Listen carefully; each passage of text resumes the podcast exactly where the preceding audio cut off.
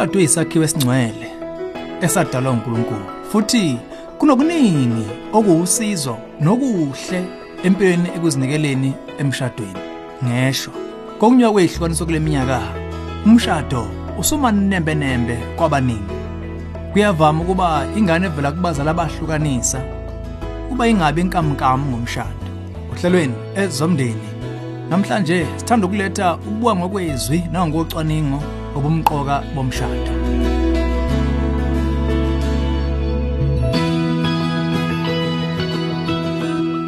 ngithatha ithuba ngubingelele ezomndeni uhlelo ulethele izeluleko eziphathekayo ngaba ka focus on the family.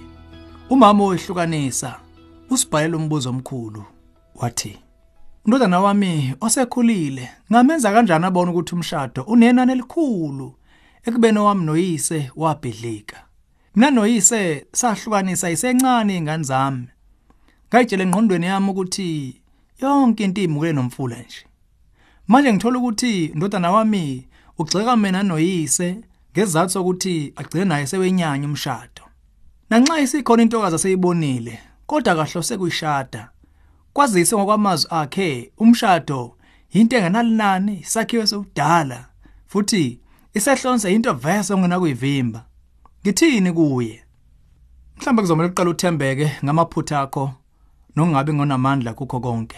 Ukulimala komndeni sekube imbangela yobhlungu nokholele kophathe kwesizukulwane samanje esikhulayo. Ndlela thizeni kunzima ukubasola ngendlela ababuka ngayo umshado. Abazali babo babakweleta ukuxolisa nokuchaza. Uma unganqoba ukwazi ukuchaza indodana wakho ngeimbangela zahlulenso senu uyomangala ukuthi uyobe usuvula umpompi wokwazi ukuxoxa naye. Futhi uyobe umsiza ukuba lolufa luvimbeke nakweyakhe impilo. Uma lokho sekwehle kahle kuye usungaqawutshela indodana wakho nakuba waphoxa empilweni yakho. Nokho usakhoyela ekutheni umshado ungesinye sezipho ezinkulu zikaNkuluNkulu abeka kuso ubungcwele bokuba nyamanye. Eduzane nje kobudlalo noNkulunkulu nomuntu ngamunye. Akukho lutho olunye emhlabeni osemqoka njengobudlalo bomyeni nonkosikazi. Lobudlelwane busemqoka kakhulu ekuqhubeni ukuba uluntu lwande emhlabeni kanjalo nokuyikho futhi ngokucansi koluntu.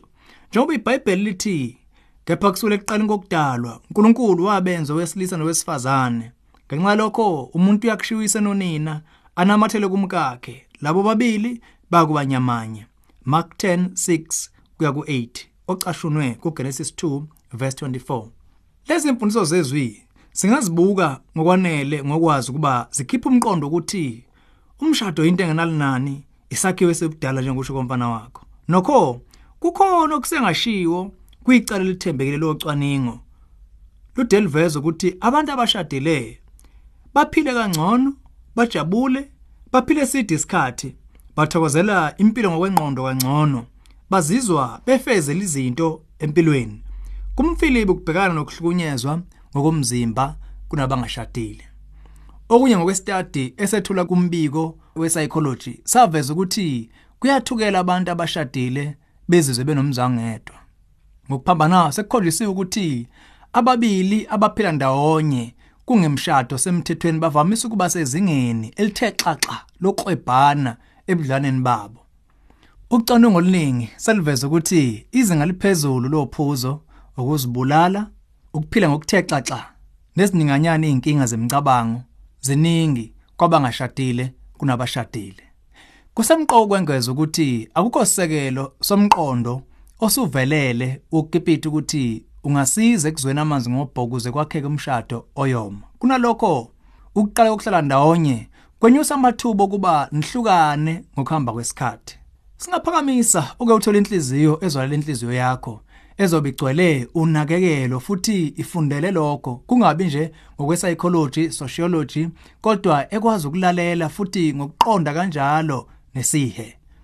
Uma wena noma indodana yakho nithanda ukuzoxoxa ngemizwa yomndeni wakho nongumelule kwethu ukukhulekile ukushela umnyango wezokelulekwa kwa Focus on the Family. Kwinombolo ethi 031 716 3300 bangaphinda futhi bakudlulisele ongoti kumbungoti ongaba seduze nawe. Lolu hlelo ezomndeni ulethulelwe yi-focus on the family sihlangabezwa ohlelweni oluzayo.